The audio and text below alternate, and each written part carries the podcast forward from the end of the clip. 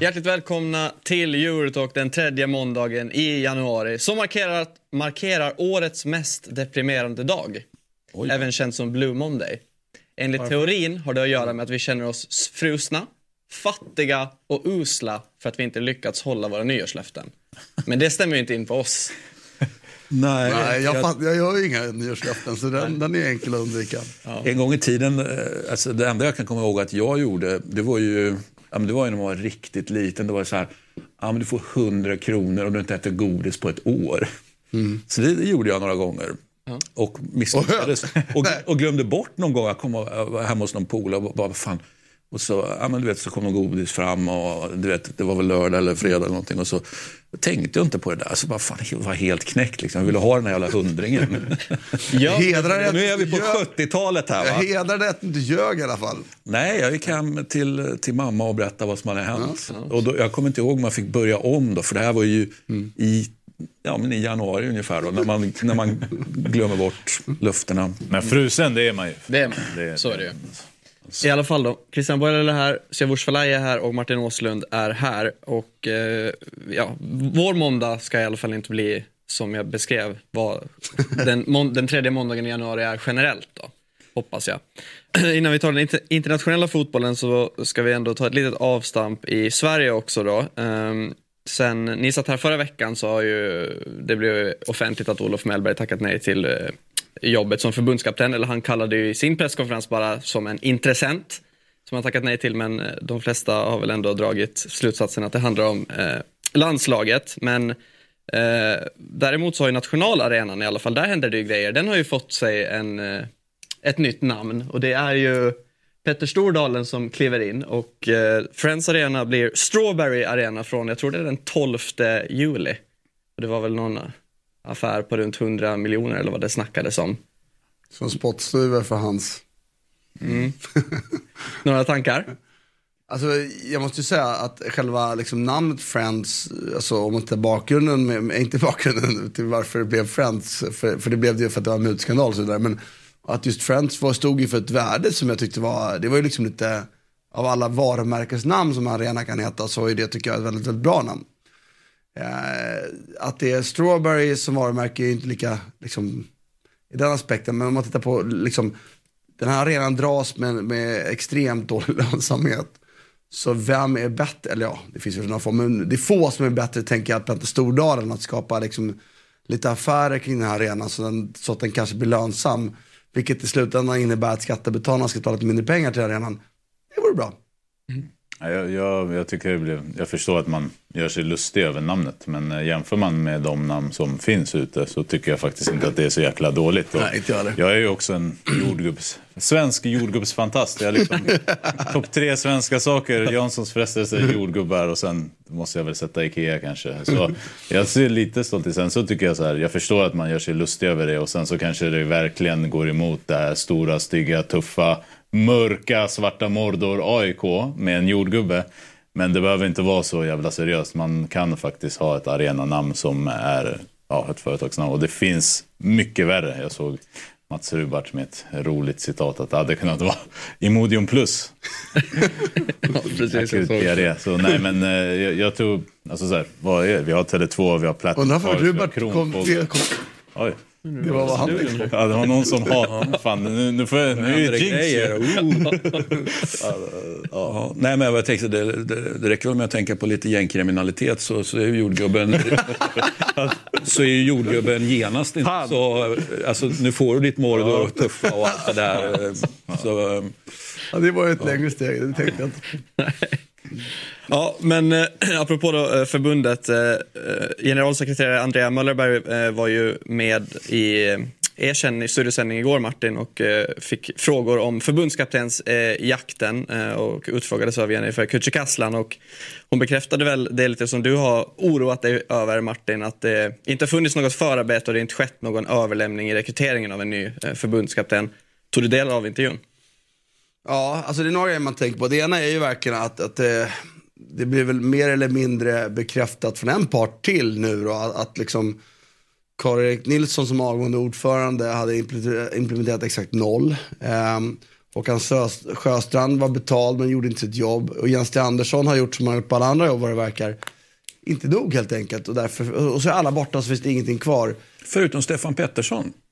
Ja, okej, och vilket ansvar han har haft kan jag säga. Men det känns som att det, att går på lägre stående tjänstemän i det här fallet. Så, och då kan man väl säga att Reinfeldt då, var han en del i det här? För det är en del som pekar på honom. Jag tycker en nytillträdd ordförande i mars-april skulle möjligtvis ha reagerat på att det inte fanns en process ändå liksom. Men det är ju inte hans process, det är ju liksom någonting som ska ha funnits sedan tidigare. Så någonstans, han kunde ha rättat till delar av det, men, men i slutändan är det ju Karl-Erik Nilsson, Håkan Sjöson och eh, Jens Andersson som får ta ansvar för att det inte fanns någonting, om det nu stämmer. Det är ju, finns, finns ju, det finns ju, exakt, det finns ju verkligen starka incitament för, för Andrea att framföra det. Jag, jag tror ju på honom i det här fallet, men, men jag vet faktiskt inte. Eh, och sen tycker jag han har en väldigt viktig poäng nu. Att det, nu, nu alltså vem, vem är ledig nu liksom? Visst, man hör rykten om att en del allsvenska klubbar vill bli av med sina tränare och några av dem faktiskt skulle kunna vara bra landslag. Okej. Men annars är det ju ett bra tillfälle faktiskt att nu har man misslyckats att få det på plats i tid. Då är det ju faktiskt bättre att vänta på det bästa. Och det är ju jobbigt för dem, för de kommer ju liksom få den här frågan återkommande. Men det är ärligt talat så, det är bättre att vänta till i juni, juli i sådana fall än att göra någonting nu som man inte är 100% säker på. Och, och, och vad det innebär rätt konkret, vilka namn som kan vara tillgängliga, det, det vet vi faktiskt inte. Det kan hända jättemycket under våren. Men finns det inget starkt namn nu så tycker jag att man ska vänta. Ja, vi lämnar det och tar Och oss till Ja, jag England. hoppas verkligen.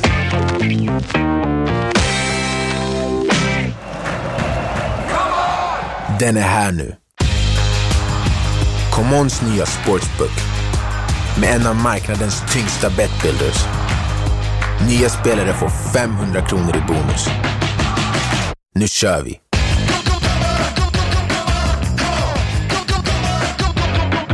–18 plus. Regler och villkor gäller.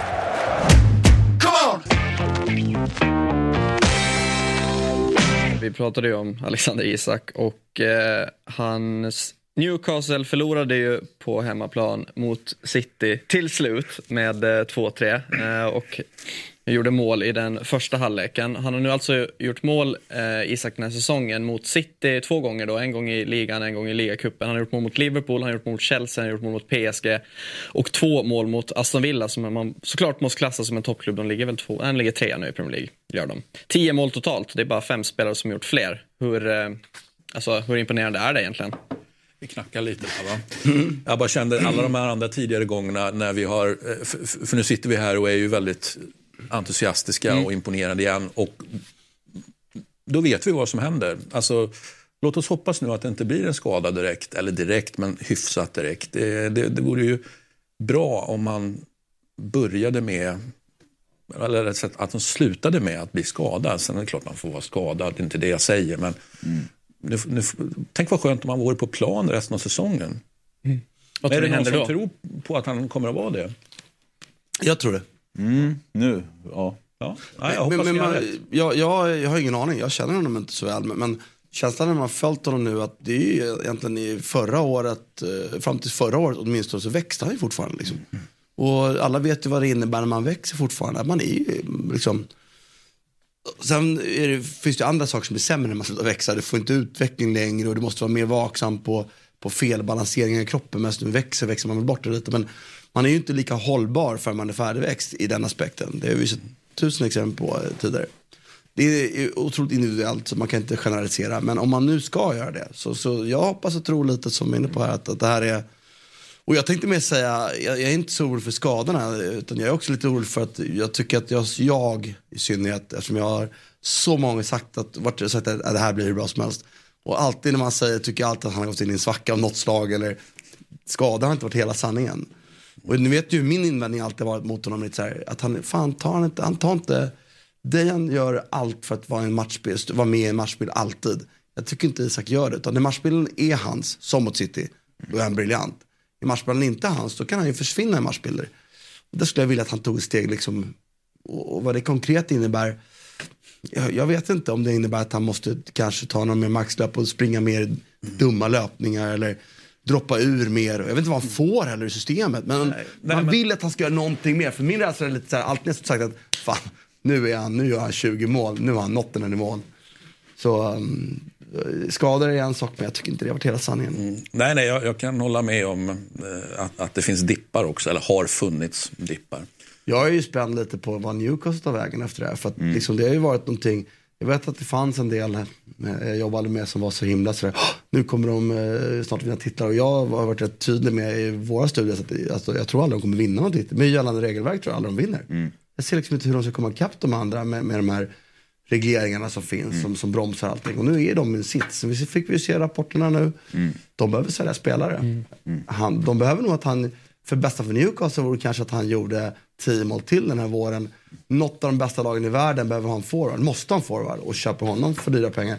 Problemet jag ser för Newcastle och fotbollen rent generellt är att jag tror att vi får jag tror att transferpriser är på väg att falla. Jag tror att vi får, får åtminstone stagnation i priserna och transfers. Och det kommer innebära en hel del problem för en del klubbar som har satsat stora pengar på unga spelare och räknat med att det helt enkelt blir dyrare. Vilket det kommer bli över tid, men kanske i två år inte blir det. Då sitter de med en ganska stor balansräkning med dyra unga spelare som de behöver sälja och kanske måste rea ut. Alltså, men för Newcastle hade det varit bra om han gjorde 10 mål till. De kunde sälja honom för, för en miljard i sommar minst. För det skulle de behöva. Om, om de ska fortsätta klättra uppåt så måste de göra det. Ja, de har ju också annars Louis Smiley som borde ligga bra till. Sett till ålder, egen produkt, plusvärden. Eh, vi såg City har ju gjort en sån där del. Såna, men ja, Isak måste fortfarande ha högt amorteringsvärde, eller? Jo, fast han är avskriven två år liksom. Så det är ju liksom redan nere. Så att han står i böckerna till 30 miljoner euro så ska du sälja honom för en miljard. Men det är inte så många andra du får pengar för. Jag tror Miley för tidigt också. Jag är inte säker på att han blir så bra heller. Utan, än så länge så får du inte en miljard för honom liksom. Nej, men du kanske får 400. I England, intern Kanske. marknad. Ja. Men det är också, det är också en grej jag tänker på. Ju mer, jag, jag fattar, eh, ni vet att jag är, är en stor motståndare till den här typen av regleringar. Jag, jag tror ju inte på regleringar i världen. Jag tycker att det visar sig historien att regleringar medför bara, bara skit och korruption på kuppen liksom. Det, medför inget, det blir liksom inget bra av det. Man, man, lur, man luras av att det är bra men, men det funkar faktiskt inte. Eh, och problemet vi har nu är ju att vi har cementerat en ordning. Och den vänder jag mig starkt emot. Och det är massa grejer jag tycker folk borde reagera mot som inte gör med. Men det andra, det sista är det här att med den här typen av bokförings, liksom, där, där, där varje års resultat ska gå plus. Där man egentligen inte tittar på om det finns pengar och satsar långsiktigt. och Där. Det innebär att det, föder ju ett behov av att sälja mycket mer än vad man skulle göra. Du föder ju den Fifas agent, Fifa vänder sig mot agentmarknaden. Samtidigt har de regelverk som föder agenternas marknad. Liksom- Och du blir tvungen att sälja akademispelarna. och, exakt, och, och när man säljer spelare, vilket i sig då tycker jag är lite tråkigt. Vi pratar ju alla om att vi vill ha de här Totti-spelarna eller som spelar en hel karriär i ett lag. Fast vi skapar incitament och jublar åt de här regleringarna som föder det exakt motsatta. Och det sista som Sia sa precis. Dessutom, de som är bäst resultat i de här, i de här typen av eh, sammanhang, det är ju egna akademispelare. Och, Tydligaste exemplet nu är väl Cole Palmer ändå. Se vad han gör i Chelsea. ja, Det ska ju Chelsea som, de kommer behöva sälja Gallagher förmodligen. Men det, det är det som... Alltså, Jag, jag fattar inte. Det, det finns inget med det här som folk borde gilla. Ändå sitter folk och inte säger ett skit mot det här. Nej, och, och det som är för Newcastle blir ju att uh, Uefa och Fifa, de, eller alltså Uefa framförallt, de har väl gått 12 års krig mot uh, Citys ägare. Nu kommer Saudi in och då är regelverket på plats så de kan inte göra något av det som City gjorde i början. Och, jag tycker, innan det, ja, Chelsea. alltså, det finns ju det är liksom 20 år för sent de kommer in egentligen. Och där tycker jag det är intressant för att alltså, det är bara två månader sedan folk pratar om att de ska låna in Ruben Neves från onda Saudiarabien där på ett jävla enkelt gratis sätt. Men då måste de ju möta först amorteringskostnaden och lönekostnaden. Och det är ju ingen jävel i Europa, eftersom att det är då samma ägare, som kan möta den lönekostnaden som han sitter på i Saudiarabien. Och nu kommer det här med Financial Fair Play. Så då helt plötsligt så går det upp för folk att ah, de kanske inte kan värva. Och där tycker jag det blir så konstigt i, i, liksom, i rapporteringen. För att om du ska värva från samma ägare finns det ganska tydliga starka regler baserat på vad City har gjort med City Group. Och det är inte som att Newcastle med sina ägare då kommer komma och gå runt allt det där. För att det, det blir ju nästan i princip omöjligt. Om vi ska se till matchen då och laget som eh, gästade St. James's Park. Eh, det är ju det är ju någonting med att KDB kommer tillbaks och hoppar in och gör sådär. Hur, eh, det, det är ändå kul att man för någon, ja, någon månad sedan när det var väl en fem sex matcher utan seger och Rodri var borta in och ut sådär. Och det, det var väl nio poäng upp eller någonting då. Det började snackas ändå om att shit, vad, vad händer nu? Nu är det nu, nu ser det lite annorlunda ut. KDB är tillbaka, hoppar in, gör mål efter fem minuter, sen assisterar han avgörande målet i slutminuten om man är två poäng från, eh, från Liverpool. Det är ju... Finns det... Alltså är KDB på, på tillbaka, så det sa vi hela tiden, om han, vi vet ju inte vad status är på honom, men håller han och spelar på, på den nivån han har gjort så är han ju ligans bästa spelare. Så då, det är klart att, att med en sån spelare kommer in så, så kommer de ju vara favoriter. Men också, alltså, fattar du när det är Liverpool och Arsenal och så sitter du och tittar där och så börjar du räkna. Fan, nu är det så här många poäng liksom upp ner och så, och så kommer han in och gör det där. Brutalt måste det vara. Men, eh, det Missa var... frisparken först bara. Ja, det var det jag kände nu. Det var ju det man ville ha från början. Men sen, jag, jag, jag är svag för en tvåfotare förbi en målvakt. Det känns som att eh, det var på min barndomstid jag fick se det. Så Det är min favoritfint. Så att, Alltså, det är så så att. Bob drar den och Ja. sätter den på ett. Nej men det var, det var ju en otrolig passning, otrolig mottagning och så otrolig avslutning. Ehm, och rättvis får man väl ändå säga att det var. Även om jag tycker Newcastle stretar emot bra liksom. Och framförallt i första halvlek hittar de omställningsytorna. Så de gör ju två otroliga mål som gör att de leder matchen egentligen i ett läge där. Nej och det ser väl bra ut. Och Bobby är liksom en, en, en plus. Jag tycker att han är så bra så att han, han ska ju verkligen nämnas som en X-faktor. Han, så bra är han ju verkligen nu. Och det är ju någon spelare man inte heller hade räknat med inför säsongen. Eller vi hade räknat med. Och pratar om att konstigt sälja Cole Palmer. Jo, men om du har en sån här ung spelare bakom som kanske är ännu bättre så, och du kan få Palmer såld, ja då kanske inte det är så konstigt ändå. Liksom. Så att de gör det bra helt enkelt City fortsatt. Och de gjorde dessutom 80 miljoner pund plus tror jag föregående säsong. Så att de är, de är, de har en bra, sunda finanser. De har högsta skådkosten igen. Men, men eh, sunda finanser, de har allt, allt på bordet. Så det är väl bara de här eh, rättsfallen att hoppas på. Om, Där 115. Om vi tar oss till eh, matchen på Old Trafford igår då. Skulle du säga Martin, alltså det är, ett, det är två skadedrabbade lag, men Tottenham är ju extremt skadedrabbade. Skulle du säga att, att Micke van de Ven är tillbaka, är det viktigare för Spurs än att man har, att, eller att, att varken Bissouma eller Sarr spelar, eller Kulusevski, Madison för den delen, är han ändå alltså verkligen nyckeln i det här? Alltså det är klart att han betyder en hel del. Jag tycker att han är väldigt bra. Men det och så, jag tycker Bentancourt är en väldigt bra ersättare. Och jag tror över tid så är Bentancourt bättre. Alltså, han kommer spela bredvid Bissoma. tror jag. Bättre än Sarr alltså. Ja, så Sarr räknar jag bort där. Men, men eh, jag tycker ju kanske att Bissouma har varit den bästa spelaren eh, i år. Och, ah, och kanske att ändå mittfältet ändå var det som svek dem lite igår ju. Alltså, att de är naiva omställningar. De åkte ju ändå på omställningar. Det gör de ju ändå. Fast de har van de Ven och Romero liksom sätt att spela.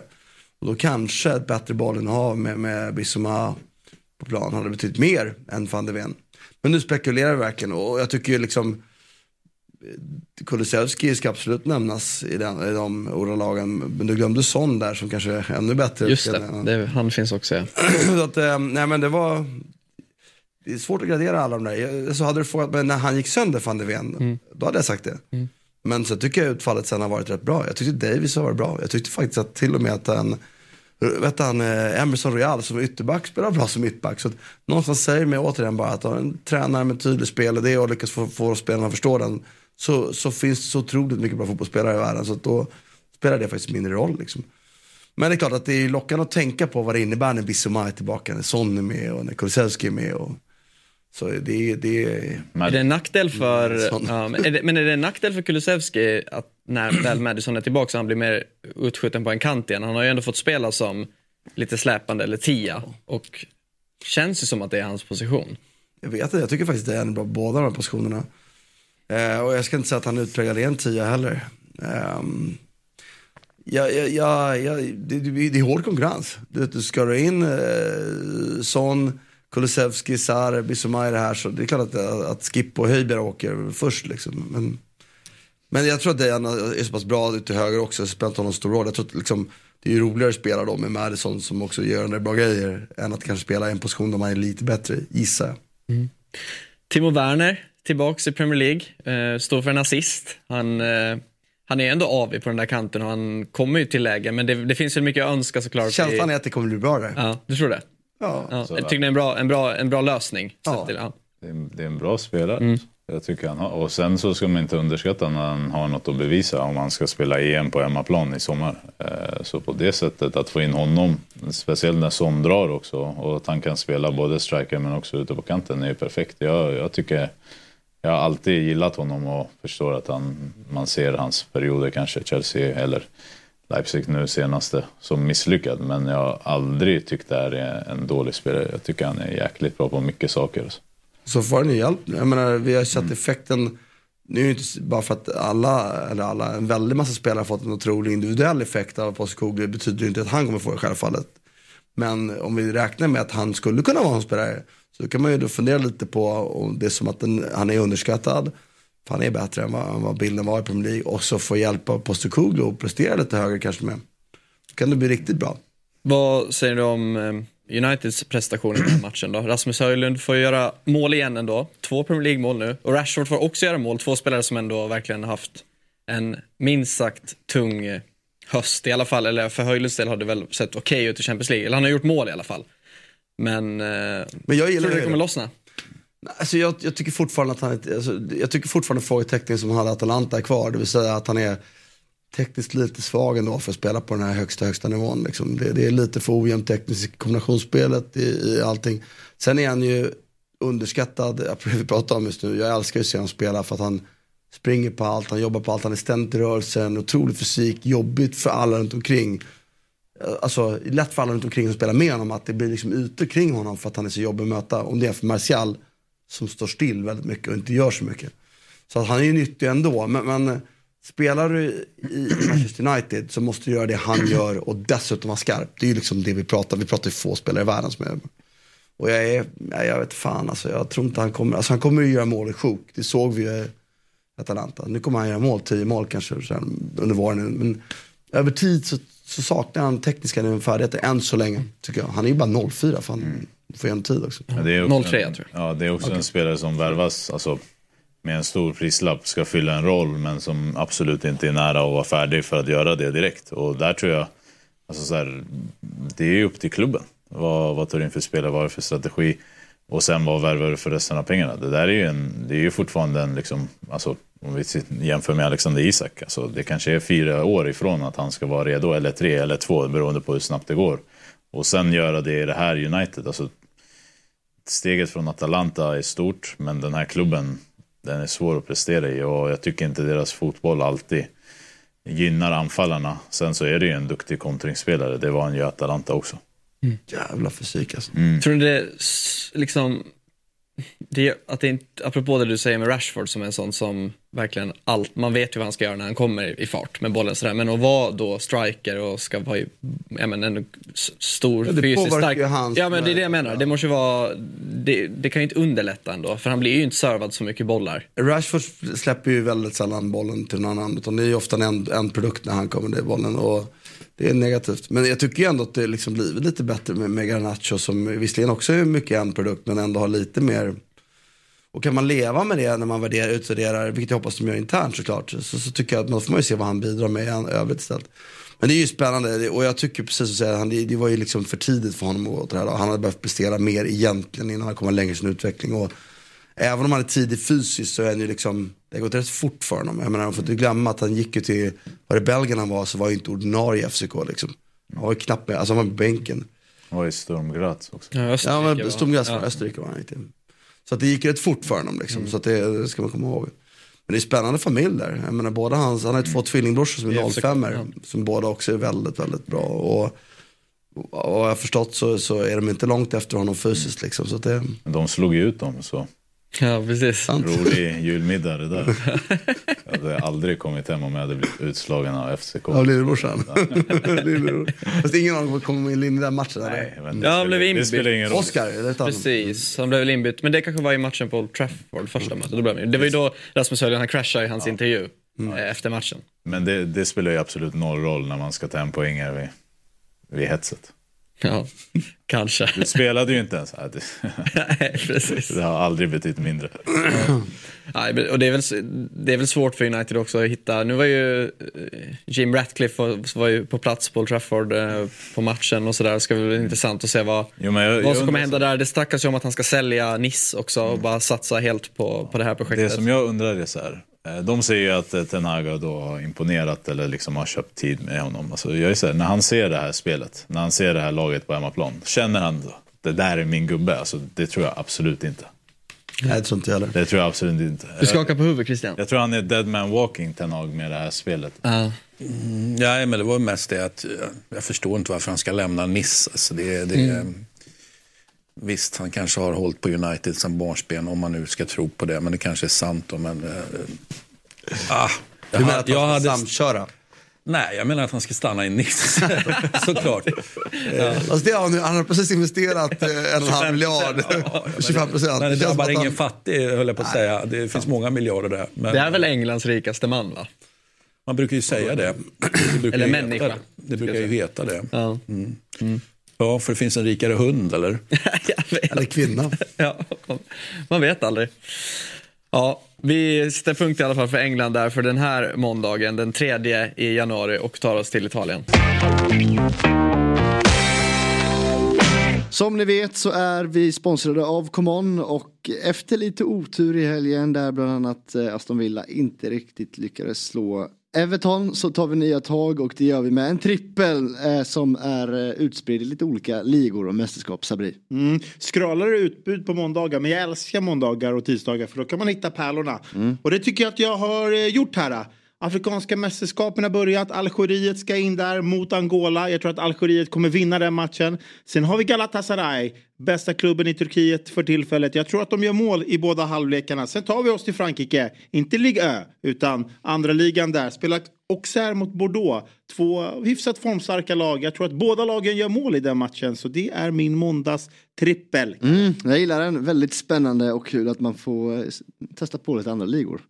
Spelet finns på common.com under fliken experterna. Kom ihåg att du som spelar måste vara minst 18 år, spela ansvarsfullt och har du eller någon i din närhet problem så finns stödlinjen.se. Tack till Common som är med och möjliggör det. Ett poddtips från Podplay. I podden Något Kaiko garanterar östgötarna Brutti och jag, Davva, dig en stor dos skratt. Där följer jag pladask för köttätandet igen. Man är lite som en jävla vampyr. Man har fått lite blodsmak och då måste man ha mer. Udda spaningar, fängslande anekdoter och en och annan arg rant.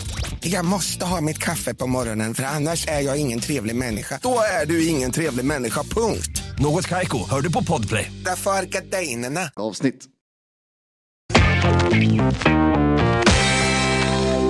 Där det igår kväll spelades fotboll i Milano på San Siro och eh, det slutade 3-1 till eh, Milan.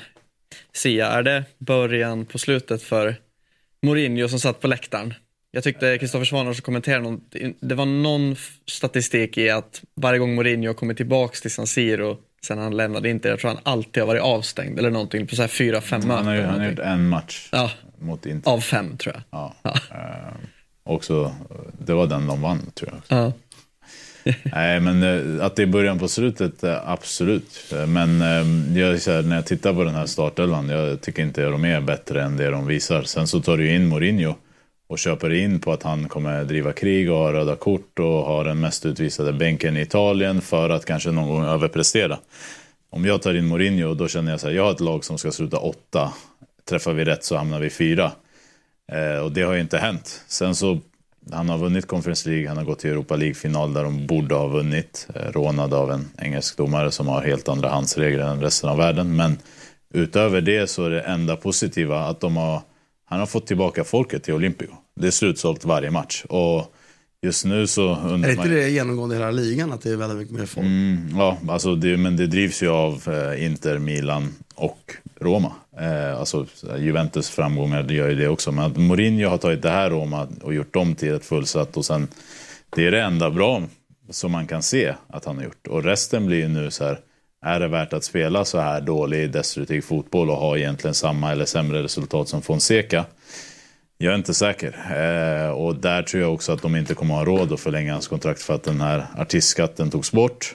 Han eh, är en av dem som utnyttjar den och då kan de betala mindre för hans lön. Eh, har de råd att förlänga hans kontrakt?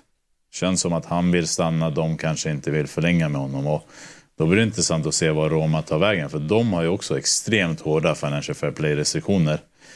Ehm, är, är det dags för Mourinho att bli liksom en projekttränare som tar fram unga romerska ungdomar, nöjer sig med att hamna sjua, åtta, kanske har någon europeisk chans? Det, det är det som blir frågan. Men jag tror att någonstans så, så som det ser ut just nu är de sämst som de har varit under Mourinho. Det ser även spelarna och då blir det liksom mer, vill ägarna ha det här? Jag, jag är inte säker. Jag tror att Palladino och Thiago Motta med fler gör ett just nu bättre jobb med, med Roma som klubb. Samtidigt som, ja, det, ja och, och, å andra sidan två raka europeiska finaler. Har han ändå tagit laget till. Ja, det är fortfarande Conference League och Europa. Alltså just Europa League kan man inte säga något om. Det är faktiskt bra gjort eh, av honom så, eh, på det sättet. Eh, Men det, det är en så stor skillnad att vinna och förlora. Mm. Just den finalen. Vinner de, då spelar Champions League. Du får in helt andra spelare, helt andra pengar. Gör du inte så hamnar du kanske i den här situationen. Och jag, jag vet verkligen, jag tycker det är knivigt för han är ändå Mourinho. Jag tycker att det här laget är uselt. Jag tycker de är verkligen riktigt dåliga och de har Lukaku och Dybala på topp som kanske sminkar över lite om man tittar på pappret. Men eh, så som de har varit hittills den här säsongen så är det inte något som säger att du ska komma topp fyra. Samtidigt ägarna, vad, vad vill de göra? Hur vill de ha det? Eh, hur ska det se ut? Eh, det är mycket, det är många, många frågetecken. Säger du Christian? Är han viktig för Serie A då? Ja, ja det är han väl. Som produkt? Det, det, det tror jag. Men, men jag är ju mer bekymrad över Roma i det här fallet. Då. Det, det jag tycker att han gör bra var det du, du sa först, att han tog tillbaka publiken. Och sen så la du till en viktig grej, då, att han, han ger ändå unga spelare chansen. Så jag kan tycka att det, nästa tränare som tar över har ändå en bukett av unga spelare där det, det tror jag ändå går att sortera ut grejer som är bra där. Ehm, Men vi får en första indikation såklart på vem blir ny sportchef? Apropå vart det här ska ta vägen. Eh, Det, blir helt sättet som den sportchefen, alltså dels vem det är såklart, men hur eh, på, på presskonferens, jag ser fram emot den första presskonferensen liksom, ska- man ska förklara programmet och vad som ska hända framöver. Liksom det, det, det, vore, det ska bli väldigt, väldigt häftigt. Så där får vi en indikation på vart det tar vägen. Och Alltså- om de orkar, får satsa Fredkin. Eh, ja, det, det är oklart helt enkelt. Alltså- de, har ju, de sitter ju, eller har ju suttit illa till, sitter väl fortfarande illa till med, med Uefa och pengarna och betalar böter och allt vad det nu är. Men eh, vi får väl se. Jag tycker ju att det är jättekul med Mourinho. Jag gillar ju han som artist, som personlighet. Hans fotboll eh, har sedan Inter 2010 är det det? Det är rätt länge sedan. Ja, då stod det på topp. Sen dess har det sakta men säkert gått neråt. Och det här var lätt förutsett att det skulle bli så här. Jag tycker att utvecklingen i unga spelare chansen, han har gett spelare chansen som Bove, Bove har ingen framtid i Roma. Han kan ju inte spela fotboll på det sättet man spelar fotboll idag. Bove är ju en sån här. Han ger fel spelare chanser. Jag, jag, jag är, Mourinho är slut, han är slut så många år tillbaka. Jag tror att det är ganska lätt med en enkel tränare och rekrytering att göra det här laget väldigt mycket bättre. Det innebär inte att man får mer europeiska titlar, för det, är, det krävs väl någon slags matchcoachning, någon form av erfarenhet, någon form av tro, en hel tillfällighet säkerligen, men ändå, det kan man inte ta ifrån dem.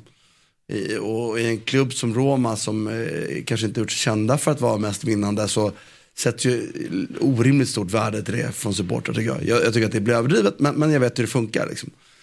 Eh, men jag, så här, tittar man på spelet på planen och tittar man på vad resultatet är i ligan så är, är det en handfull tränare bara i samma liga som definitivt skulle göra bättre än vad han gör, som är bättre fotbollstränare.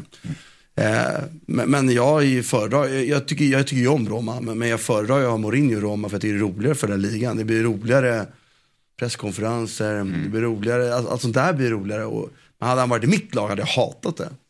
Men, men nu är han ju inte i mitt lag så då kan han ju gott få vara kvar där. Men, men, och jag tycker att de borde ha sparkat honom efter år ett. Men, men om de nu vill ha utveckling. Och eh, man pratar om att de är, det är fortfarande en av de dyrare trupperna i Serie A det här. Och det är den för att de har höga löner och, och de har skrivit eh, Bosman, de har inte investerat i pengar i det sättet, men de har dyr skådkost. Så lyckligtvis är väl en hel av dem rätt lätt att ställa ur nu. Så att det kommer en ny sportchef in så har man något år kunnat liksom skapa ett visst utrymme. För Roma har ju fortfarande publikintäkter, de har kommersiella intäkter. De är ju ändå ett lag som rätt snabbt kan vara i Serie A tillbaka och, och vara konkurrenskraftiga. Men det är en bit dit från att ha kvar honom så blir det omöjligt. Så, att, så är han kvar blir det helt omöjligt. Ja, men det går ju också att jämföra ganska snabbt med Lazio till exempel, som har mindre medel. Ehm, alltså samma lag, mer eller mindre kan vi säga. Och där de träffar rätt och tar andra platsen förra säsongen. Alltså, det har inte Mourinho gjort och där blir det ganska tydligt i liksom underprestationen. Om Sarri får ut det han får ut av sitt lag, som, som alltså jag, jag tycker är ett sämre lag. Ja, absolut. Ehm, då, då, och sen så blir det ju liksom slående i, i en stad som Rom där derbyt är liksom ibland mer värt än att vinna titlar. Att han eh, fyra raka utan att, eller tre raka utan att göra mål, fyra raka utan att göra mål, bara en derbyvinst. Och någonstans så tog ju Mourinho in istället för Fonseca för att Fonseca hade så uselt facit mot topp 7-lagen. Eh, nu har Mourinho varit fyra vinster på nästan 30 matcher i de matcherna och där kände jag liksom att så här, är det något han kommer ändra, då är det att det kommer vara jobbigt att möta Roma. Men det, det har inte varit det, så kolla på Milan igår. Jag tycker Milan, alltså det är nära 3-0 innan det blir Ja, det ja. Calabria. Ja, den här ja, grejen. ja, så är det. Men så här, Det gav ju bara lite spänning för matchen. Ja, tackar vi för. och, och så det var ju kul att se på. Men så här, det var inte Milans bästa insats för säsongen. Men de kommer upp på, säg 6,5 på Gazettans skala. Och har bekvämt 2-0, hade kunnat ha 3. Eh, Och då blir jag så här, fan, det enda jag vill ha från ett Mourinho-lag, det är att det ska vara omöjligt att göra mål på de där jävlarna. De ska sälja sig dyrt, det ska vara hårt, det ska vara jobbigt spel, det ska vara, allt ska vara svårt. Men det var ju hur enkelt som helst. Ja, men eh, vi nämnde, vi nämnde ju att ehm, eh, Lazio och, och, och sådär och eh, man slog ju Lecce på hemmaplan med 1-0 och eh, inför matchen så hyllade man ju Svennis som i förra veckan berättade i söndagsintervjun i P1 att han är svårt sjuk i cancer och han sa ju själv då att till Martin Wiklin då att i bästa fall så har jag ungefär ett år, i sämsta fall eh, lite mindre. Och det är ju, ja, han har ju blivit såklart eh, fått hyllningar igen av hela fotbollsvärlden, eh, såklart. Utom Ulrika, vad hette hon nu då? Ja, hon är grinig. Ja, hon, var ju, la ut och, hon tog ju bort det sen, men hon la ut något riktigt dräpande liksom. Ja, det har jag missat. Ja, jag också. Nej, den var grov. Ja, ja, men typ att liksom, och ska man göra det i ett sånt här läge, då, då har man gjort någonting riktigt vidrigt tänker jag. Ulrika Jonsson, heter hon det? Ja, men typ så att, att det är liksom, du, är en- ja, men du, du, du var ingen bra person, alltså typ sådär. Oj. Hm. Ja, och den här banderollen då, den, du får väl rätta mig Sia, men the battle has begun, Mr Sven, we are with you. Betyder det ungefär så? Kamp, ja, kampen är påbörjad. Varför sa du på engelska? Ja, för det står så här. Har någon översatt italienska till engelska? det är väl säkrare om man kör i translate och tar det till engelska än att ta till svenska Ja, eller mindre så språk sådär i alla fall. Så Så är det. Men, ja. men, ja. Eh, ja, men, ja, bra, vi fick det på svenska. Nu har vi fått det på tre språk i alla fall. Det, det är ju bra. Men eh, ja, hur uh, reagerade ni på det här sjukdomsbeskedet? Det har väl kanske inte varit, man har väl, ja, det har väl, man har väl haft på känn att det har varit någonting eftersom att han försvann ju ganska snabbt efter han tog den här Karlstad. rollen i Karlstad. Jo, jag har nog vetat typ om att han, ja, jag har nog vetat om att det var rätt illa. Och, men ja, exakt vad det var för sjukdom, eller vad för typ av cancer visste jag nog inte kanske. Men att det var dåligt visste jag det, så det för mig var det ingen nyhet. Nej. Nej, men samma här. Alltså, ehm, det har väl snackats om det eh, på det sättet. Sen så blir det ju såklart det blir en helt annan grej när man säger att det är liksom ett år. Alltså att du sätter en tid på det. Då tror jag att det blir mycket mer allvarligt också för folk. Men ja, jag hopp, bara styrke, kramar och hoppas att eh, det blir så länge som möjligt. Hur mycket, alltså, hur mycket har det betytt för svensk fotboll? För jag menar, alltså, om man, det finns ju inte en tränare som varit i närheten av, svensk tränare varit i närheten och gjort det han har gjort. Idag har man ju, man har några, till exempel, om bara tänker tränare utomlands, svenskar. Det är, man har ju, vi har väl någon i Polen och någon i Ungern och sådär. Och det har Vi ryktats- claimar ju Graham Potter liksom och han är inte Ja. svensk. Ja. Och det har ryktats lite om tränare nu till eh, Championship-klubbar och sådär. Men det finns ju liksom inte någon i närheten. Ja, det har han gjort med Benfica, vann Serie A med Lazio och han har varit engelsk förbundskapten. Känns det lite som att, eh, ja, men att han inte kanske är bortglömd, att han inte fått den den respekt och ja, men, snack kring sig. Fått som den de- respekten har ni fått. Ja, det Däremot kanske- är möjligtvis lite bortglömd Ja. av er yngre. Men för oss som var lite äldre så det gick som inte, han var ju överallt. Liksom. Det var ju pratat om överallt. Sen pra, vi, fan, vi pratade om det nyligen, det här med betydelsen. Och, och det är klart att nu är jag ju för ung för att vara spelare och haft nytta av det. Det är bra för, för att ha nytta av det. För att det fanns ju de, när han på väg upp, så säkert åkte med lite av det här. Jag menar, kunde komma lättare till Benfica kanske. Jag vet jag. Det är rimligt liksom. Att om du har spelare i en annan klubb som är på väg uppåt, kan du ta med dig dem. De typerna av spelare kan ju få fart i sin karriär som de kanske inte hade fått om de inte åker med tränaren. Alltså, vi pratar ju nyanser då. Vi pratar ju självklart inte att det är skillnad mot vad där eller där. Men, men om ni förstår vad jag menar. Annars tänkte vi just typ att betydelsen av honom har varit ganska liten ändå. Liksom. Bra där, för jag, jag, jag sitter och känner exakt samma sak. Alltså- Alltså, att svaret på din fråga är egentligen eh, hur mycket har han betytt? Ja, faktiskt inte speciellt mycket. Respekten har varit stor. Eh, tagit med sig vissa spelare som Martin säger. Men vad har han egentligen betytt efter att han var med i det här fotbollsinbördeskriget i Sverige på 80-talet? Liksom? Ja, det, det, det är en jävligt bra fråga. Eh, borde han ha betytt mer? Ja, det är ett misslyckande för Sverige liksom, Nej, som förbund att man inte har, kanske att han Nej, inte nej jag, jag tycker mer att det har med vad, vad det är han... Det är ju möjligt att, att liksom svensk ledarskapsstil i andra avseenden, men det har ju inte gett honom mer tränarjobb. För att det var ju inte fotbollsfilosofin som gjorde att han... Hasse Backe har väl kanske åkt med då.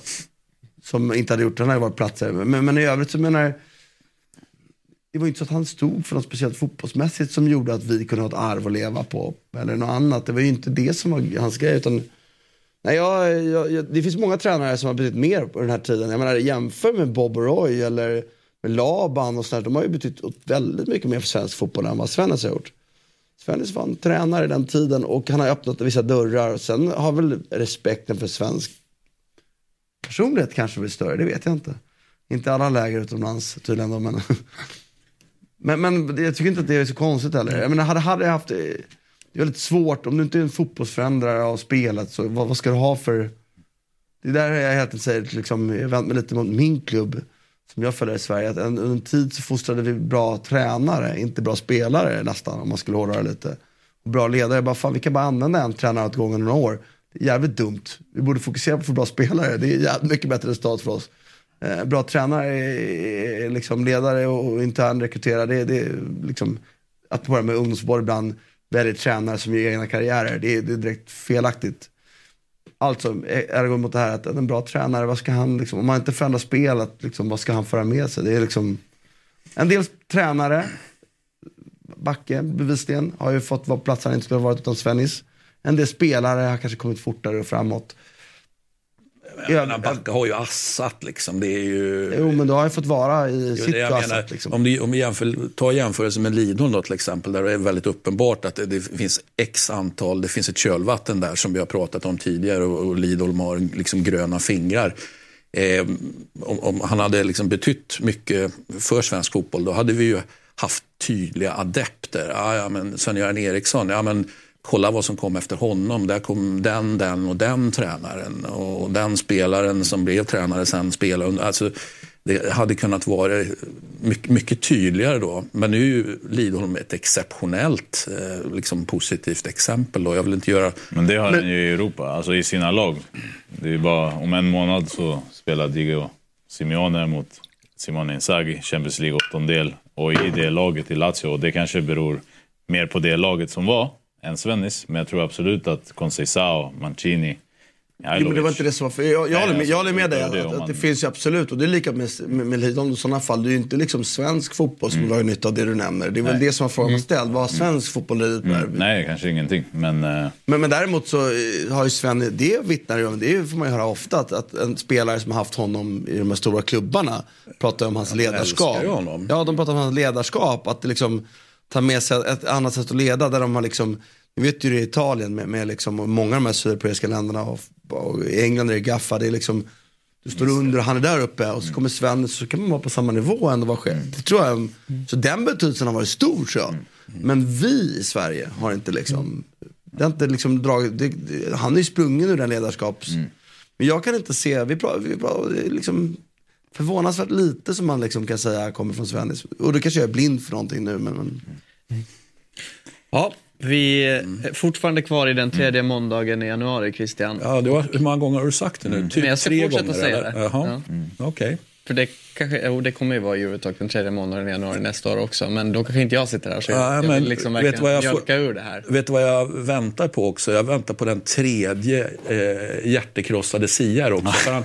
Han, han, har ju blivit Två hjärtekrossad två Ja. stycken hittills. Så att, Ja, eh, får nu får vi ingen trea bara för det. Nej, det är väl Svennis då. Du satt och väntade och fick inte den. Varför slutar nästa måndag vara värre? Det är ju innan löning också. Jag vet inte, vi diskuterade faktiskt också det. Men nu är det så här att idag är det den tredje och det är Blue Monday. Men en sak, Ja. ja. men vet, en sak vi måste ge Svennis, det, det, det tycker jag. Vi ger Svensk massor. Ja, men vi ger honom massor. Men en sak som vi verkligen ska ge honom att så tillmötesgående han alltid har varit mot svenskar. När man, när man eh, har- varit och besökt hans lag eller hans lag har varit här. Otroligt generös. Man bara känner liksom, har, har du mycket tid? Har du en ocean av tid? Liksom? Man bara tänker men, men, men fan, liksom, har du verkligen tid att göra en, en, en lång intervju nu? Eller ska inte du hålla på med någonting annat? Men det är i alla fall min bild att man hade alltid tid. Och, och, och eh, på ett jävla bra sätt. En heder för sitt skrå där. Ja, nu tar vi oss till Spanien där det har spelats fotboll i Saudiarabien. Poddtips från Podplay. I podden Något Kaiko garanterar östgötarna Brutti och jag, Davva, dig en stor dos skratt. Där följer jag pladask för köttätandet igen. Man är lite som en jävla vampyr. Man har fått lite blodsmak och då måste man ha mer. Udda spaningar, fängslande anekdoter och en och annan arg rant.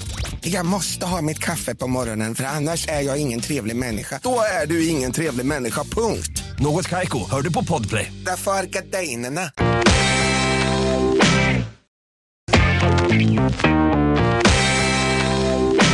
Men eh, vi ska börja med Det ska att... vara krossat hjärtat, eller hur?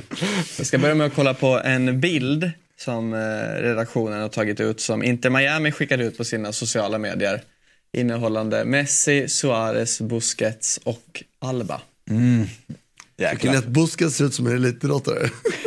Nej, det har han väl kanske aldrig riktigt gjort. Ja, det, det jag tycker mest om med den här bilden det är ju faktiskt bänkarna. Det är så härligt att se fotbollsspelare i, i annat än alla de här jävla moderna fåtöljerna. Alltså, det känns som att de sitter i någon jävla... Ja, men alla sitter i fåtöljer nu för tiden. No. Det är det här man vill se. Flygplan. En bänk. Hade... Varför har vi ingen bänk här? Nej. Nej.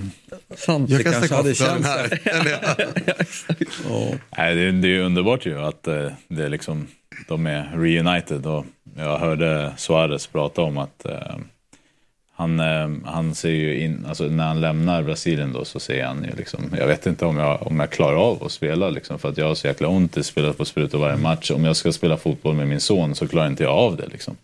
Han är ändå där för en last ride och alltså, tror att Och, och som han har spelat i Brasilien Ja. så är det fantam inte en spelare som åker dit för att pensionera Nej. sig. Nej. Det är ju faktiskt varit imponerande tycker jag.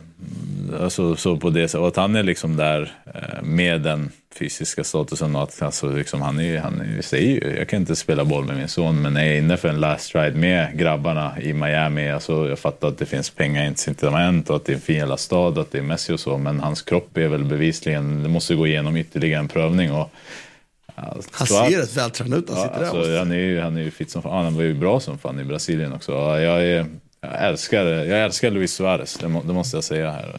Men det måste ju ändå vara drömmen. Alltså säg att du har haft en så framgångsrik karriär och allt man har gjort och sådär och sen landa i Miami med sina nära vänner. Tror ni, hur mycket tror ni de bryr sig om det sportsliga? Jag, så tror jag är helt övertygad om att Suarez kommer dit och brinner för det. Ja, Messi- Jag är osäker, ja men Messi kanske också, Messi älskar väl att spela mer.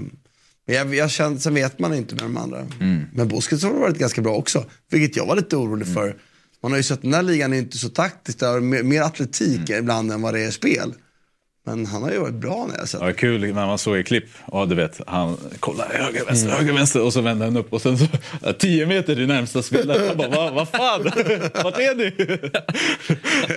du vet, han är han liksom van Nastade på det lösa ja, men det kommer fyra som ska pressa honom och han har gjort sina rörelser och kroppsfinter och hela skiten. Så är ingen i närheten av honom. Det är nästan som att han blir som den där matadoren i Ferdinand som bara, vad fan, pressa mig då! Eh, tror ni, Real Madrid körde ju över eh, Barcelona i El Clasico igår då i Supercup-finalen i Riyadh i Saudiarabien. Det passar extra bra med att den här bilden kanaliseras ut. Jag tror att alla de fyra hade kunnat Beckham göra det bra. hatade inte att lägga ut den på sin Nej, Instagram. alla fyra hade kunnat göra Nej. det här bra. Så. Ja, men det, var det, det jag tänkte fråga. Tror ni de fyra, om de fyra hade startat matchen, hade de kunnat, vad hade de gjort? Nej, jag vet inte fan, alltså, då är tiden ändå förbi. Alltså. Busquets, det jag såg förra säsongen, eh, han, han kunde ändå ge dem någonting som de saknar. Och sen så var det ju såklart att de gick vidare för att de skulle Ja. Gavi och de här. Men du vet när Gavi är borta, backlinjen läcker som ett såll och mycket så här som du ser på som är så här, fan de, de är bara inte påkopplade. Där tror jag att Busquets var enormt viktig att liksom med sin, ja att han inte är en fotbollsspelare kanske, att alltid vara påkopplad, alltid vara på rätt plats, alltid ha eh, Och klart attention. att Messi hade varit bättre än vad Ferran Torres är, eller Ja. Sergio Roberto hade varit i den här centrerade rollen som går ut för kanten. Ja, det var faktiskt helt sjukt att han tog in honom som någon sorts vänster eh. Men, men ehm, ja, det, det, och sen så kan man väl säga att matchen igår är inte, den är inte så spelmässigt så, så är det väl lite mer övertag för Barcelona, men man kände hela tiden att uff, en felpassning där, så mm. fan ta med målchans i andra. Hur stor eh, maktdemonstration var det här av Real Madrid då? Men det här, på dem. alltså på det här här har ju målats upp av Barca, eller alltså så här, lite media såklart också, att så här, nu kan vi vända säsongen. Och Då åker på 4-1. Och hur mycket Xavi än vill säga att vi dominerar matchen, ja, vilket de absolut kanske gjorde, Så att åka på fyra på det där sättet. Sen också typ, du får inte rätt svar från vissa spelare. Koundé haft en svag säsong och det är liksom fortsatt dåligt. Nu gör ju liksom Lewandowski i alla fall mål, men jag har verkligen frågetecken för hans val att spela Sergio Roberto till vänster. Eh, jag förstod verkligen inte varför. Speciellt inte när Lamin Jamal var så jävligt bra när han kom in och gör mål och så vidare. Så. Och Joe Felix också kommer in Ja, och, och skapar chanser. Neymaresk. Mm, Så det är lite sånt. Men eh, jag, tror absolut, jag tycker absolut det här var ett statement sett till att det var Barca som behövde vinnaren. Eh, och inte gör det på det här sättet. Man ska också ha med sig att Real saknar liksom Militao, Courtois, Alaba och trots det går mot den säsongen Det är bra ändå, Lunin, faktiskt måste jag säga. Det är ingen dålig målvakt. Ja, han är skitbra. Jag gillar Kepa inte känns Kepa. inte som att han är första alternativet. Och hans eh, kontrakt går ut. Så jag försöker jobba Lunin till Inter. Men eh, det kommer bli svårt sett till han presterar. Men, eh, och, och visst, det är ju omständigheter. Det är ju liksom en, är det första målet som Bellingham spelar, det är en jättefin passning. Men Kondé hamnar på fel fot och det är lite enkelt. Och sen är det ju Araujo som upp, alltså det, vi, liksom, det är ju inte Rodri, eh, Rodrigo är det som gör löpningen ju. Det är ju inte så att Rodrigo löper, han är på rätt linjen, kanske, men det är inte så att han ser positionen på Araujo. Så att det, är liksom, det är små marginaler och straffen är ju, är ju extremt billig. Eh, om än, i min värld, vi pratade med, med barn hemma, de var ju skitförbannade för att bli straff. Och jag bara, jo men spelar man försvarsspel så där får man sköta sig själv. Liksom. Det är ju min fasta, jag, jag tycker inte man kan skylla på att domaren sen gav en väldigt liksom, soft straff. Ja, men spela inte så då. Så att det var ju liksom omständigheter såklart också i matchen. Men, men eh, det är också, ska man ändå vara ärlig och säga att det är ju en tre, fyra lägen eh, under matchen när man ser, känner att fan med lite bättre skärpa är Real Madrid fria där också. Så att det är liksom, när det är, och jag tycker ändå, bitvis håller jag med Xavi, Barcelona spelar bra fotboll. Men det är som allt annat under Xavi, det är liksom, det är tillbaka som att det var lite under Cruyff nästan liksom. Där, man spelar väldigt bra men man är så sårbara. Och det, Så tyckte jag matchen var ganska underhållande första halvlek. Det var ju mer av en sluggig match som man sällan ser. Alltså, jag älskar ju taktiska matcherna som vi har i Premier League. Men ibland, bl- de är ju väldigt, väldigt förberedda alla matcher nu för tiden. Det är liksom, saknar lite det här, liksom, tuta och kör. Och det var ju första halvlek. Ja, första tio kunde känns två, tre stora chanser på båda håll. Alltså det, och där kände man verkligen att det var i sitt esse. Sen är det så här, alltså att hålla på sin spelidé, eh, vilket jag älskar att tränare gör. Eh, jag vet inte fan om du ska göra det mot Real Madrid i det här läget som Xavi Men vad är, grejen är att hans spel, det funkar ju faktiskt inte. De är inte bra dominanta nog mot sämre motstånd. De är sönderkontrade mot, mot hyfsat bra motstånd. Jag minns Manchester United i våras liksom, och sådana här matcher. Och, och faktum är att jag tycker inte de är liksom effektiva nog med sitt bollen av heller. Jag tycker egentligen att det är Ja, men det är ganska lite. Jag, jag skrev väl på Twitter som han, när han spelar fotboll ska han ju träna ett ungdomslag.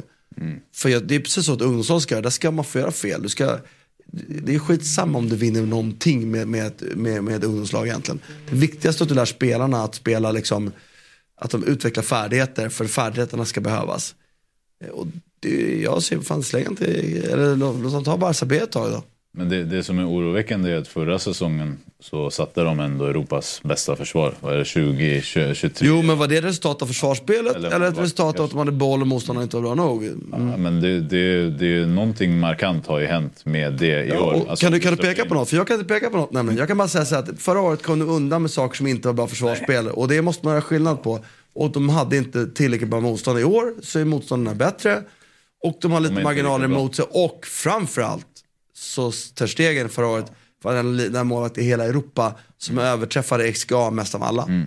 Så det ska också vägas in. Så jag, jag, jag tyckte de hade marginalerna med sig förra året. Liksom. Det hade de absolut. Men eh, det är en, alltså, de har i princip redan släppt in fler mål än på hela förra säsongen. Eh, vilket är anmärkningsvärt. Sen tycker jag det märktes i liksom Champions League eller mot United då, då. När det väl gick upp vad som kunde hända. Alltså att försvarsspelet kanske inte var så bra. Men du hade också de här, alltså Koundé, eh, alltså Araujo eh, med fler presterade bättre. Araujo brukade jag, alltså det var ju liksom Vinicius Juniors kryptonit.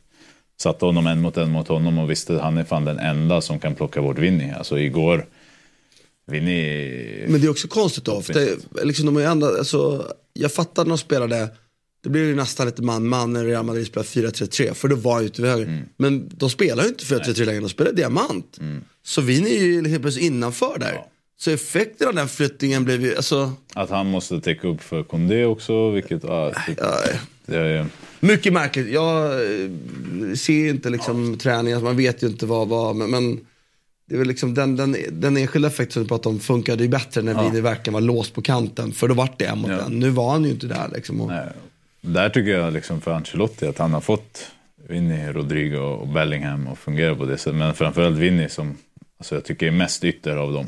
Eh, Att han har hittat den rollen så. Att han gör den här insatsen mot Araujo eller Barca. Det är fan tillbaka med besked.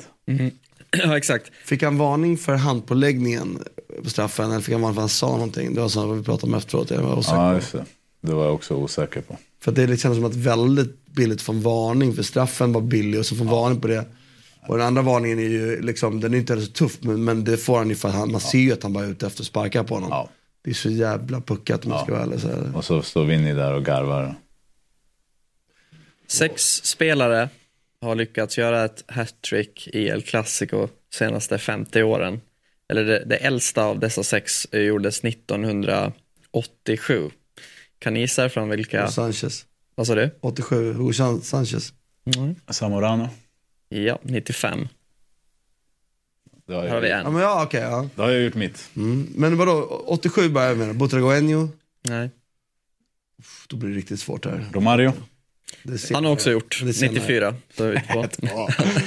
ja, ni behöver inte. Men jag ville bara mena alltså, ni skulle få en tid. Den, den är min favorit. Då gör han ju mitt favoritmål i alla tider när han gör eh, scoopturnen och toar in den i bortre. Eh, Messi, Ronaldo. Nej. Ronaldo har gjort målet, jag tycker, eller? Nej. Messi har gjort det. Två gånger. Mm. 2007 och 2014. Så har vi tre. Tre kvar. Och då har 87 kvar och det andra årtalet var? De andra två årtalen är 2018 och 2023. Benzema. Ja, Eh, inte Lewandowski. Suarez. yes. 2018 Suarez, Benzema. Då är det första. 87 kvar. Då har vi 87an kvar. Ja, fast jag, jag tror då, för att jag gärna gissar på de uppenbara. Kan det inte vara något sånt där galet att liksom Archibald liksom... Eller något. Där har vi det. Mm. Gary Lineker. Vilket ju också är galet med tanke på vad han presterar i Jag Barcelona. tycker också exakt. Ja. Ja. Nej, jag var finger också. Jag tänkte också på Butragenio, mitt första på 87. Ja, mitt första var, men man, du gjorde inte hans, Hugo Sanchez. eh.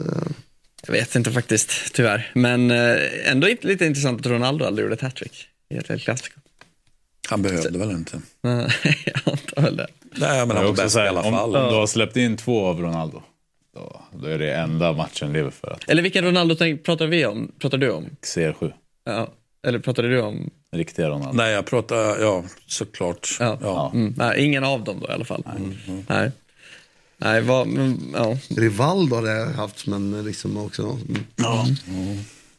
Ja, innan vi rundar då så måste vi väl ändå nämna att... Eh, Vad, vad säger innan du säger? Romario, jag såg bara något klipp nu på honom när han spelar något, alltså eh, han är ju, vad är han, 55? Ja. Ah, fortfarande så. Det, kan det vara ändå en av de största begåvningarna vi haft i fotbollen? Jag såg också Adriano eh, i helgen. Det var för att fan om de körde någon jävla futsalmatch. Alltså, han, han, han såg inte, alltså det såg inte bra ut. Han såg ut som att han, han liksom aldrig har rört en fotboll. Men det känns väl Han ändå får rimligt på något sätt. glad över att han lever Ja. känner jag. Det, det, det, Ja, det är min stora take på alla de där wasted talent. Så att jag är glad att de lever, är rika. Förhoppningsvis har mamma och pappa ett fint hus någonstans. För att, ja, de har... Men det Romario var ju bäst och kunde ändå blivit mycket, mycket bättre. Det var ju absolut känslan. Vad har Adriano gjort sen han? Sen de senaste 15-20 år sedan? Vad han 20 inte åren. gjort. Han har inte han har gjort. Han var väl så in i politiken ett tag om inte jag kommer ihåg helt fel. Han drog ju till Brasilien, vann någonting där. Sen har han ju bara... Ja, han, han gifte ju sig och så eh, drog han ju iväg två veckor utan att ge besked till frun. Så det giftermålet gick, tror jag, åt helvete en, alltså direkt. Liksom. Eller så lyckades de lösa det, men det var jäkligt... eh, Det var exakt samma sak han gjorde i Inter när han då lämnade ju. Alltså landslagsuppehåll, hej då, ingen hörde något av honom på tio dagar. Och samma körde han på bröllopet. Sen har jag inte hört så mycket mer om honom. Han dyker ju upp på San Siro ibland och alla älskar ju honom. Ja. Kör han? Har han, aktiv på sociala medier eller har han? Ja, han har, han har Insta, han, han twittrar lite då och då. Uh, nej, han kör. Han är inte så, alltså det är bra att han inte är så aktiv som han hade kunnat vara. Känner man. Men eh, Antoine Griezmann gjorde sitt 174 mål för Atletico Madrid eh, i derbyt förra veckan, vilket gör han till klubbens bästa målskytt genom tiderna. Det, alltså, jag hickade ändå till lite på det. Att han ändå har gjort så mycket mål i Atletico Madrid och sett till ändå det är ju klart att han har haft en otrolig karriär och han var väl EM 16s bästa spelare och sådär. Men det känns ändå som att folk VM håller honom 18. inte så högt. VM 18 också, Ja. skulle jag säga. Vann väl skytteligan till och med? Eller om man Ja. delade den? Det kanske var EM. Ja. hade ju varit lättare att kunna förklara om man inte om man har haft sessioner. Jag säger att han har varit som Tottenham, one club man eh, någonstans. Då hade man någonstans, ja men du samlar på dig rätt mycket mål liksom. Men han har ju, han har ju, han har gjort andra grejer också. Det ska man ju komma ihåg. Och, och det är så här, eh, man, man ser kanske inte honom som den typen av spelare som gör så mycket mål. Men eh, han är ju verkligen eh, intressant. Han är, jag, jag såg honom på plats i Europa League-finalen. Jag gick ut. Alltså så här, Det är en bra fotbollsspelare ser man Alltså, rör det, sig. Och... det är en av de första man blir så här. Den här killen, det, du får inte rättvisa när du ser honom på tv. Och det är såklart, det är många spelare som är så, men jag tycker han är den som jag har reagerat på mest, verkligen sticker ut. Och det var någon, jag läste någon som sa liksom att eh, Griezmann är en spelare för de kunniga. Jag tyckte det var, det var fint. Han var så här, och om du vill se, ja, men så här, vill, vill du, förstår du, då fattar du hur bra han är. Vill du inte och förstår du inte, då fattar du ingenting. Alltså, det är ju verkligen, jag håller med också om att, att hans storhet blir större Mm. för att han är så pass bra på att läsa situationer tidigt och förstår mycket. Och, sen har han ju en otrolig första touch och grejer. Och, jag, har sett honom många gånger live och, och, och alltid tyckt att det är en otrolig spelare. Men jag minns bara nu nyligen när jag såg dem mot Celtic borta. Liksom en sån här match när inte de var så bra och Celtic hade lite fart och, pressade. Och, ändå liksom, sen, han sticker verkligen ut. Alltså det, och det är ju inte därifrån man såg honom när han var i Barcelona. Alltså, för han var inte dålig i Barcelona, men han var inte bra nog helt enkelt. Och väldigt kul tycker jag att han har fått den upprättelsen i sin karriär. Liksom. Och att det gick från att så här, förra säsongen så var han tvungen att spela 20 minuter per match på grund av den där jävla klausulen. Just att han sen dess har liksom varit 2023, alltså ett av ja, kalenderår, jag älskar mig att prata om, jag hatar ju det, men kalender, ett av kalenderårets bästa spelare skulle jag säga och en av säsongens bästa spelare. Så både sett landslag och klubblag och nu börjar han ju med det här rekord, alltså Aragones rekord.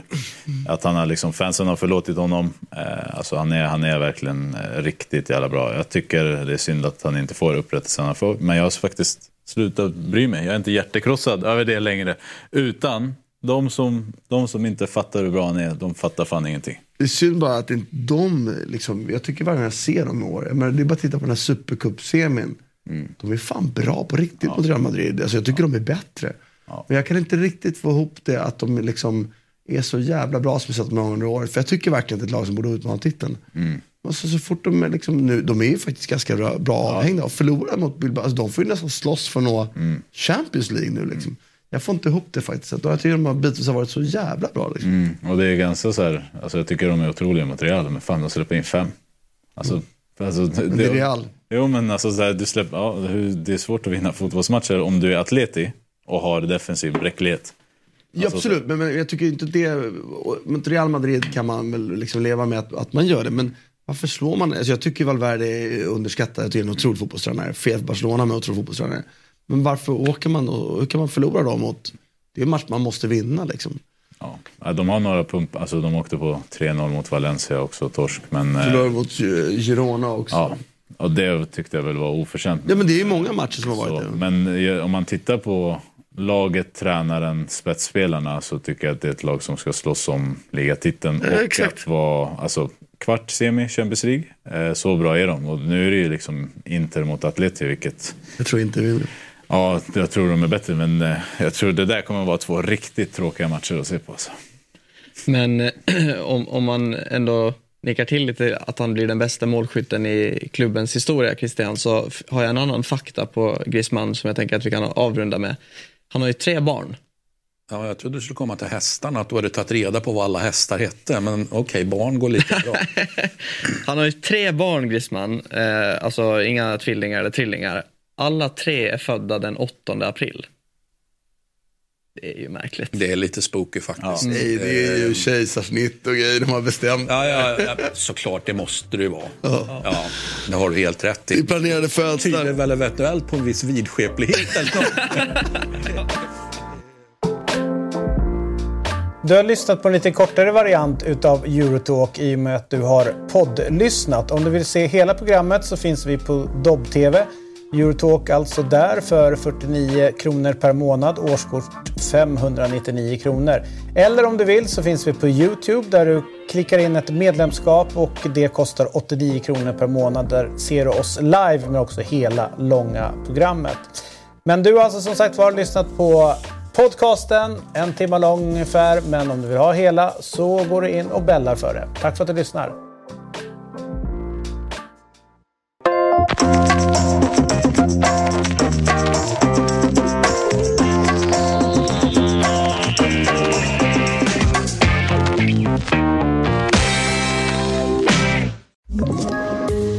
Poddtips från Podplay. I podden Något Kaiko garanterar östgötarna Brutti och jag, Davva, dig en stor dos skratt.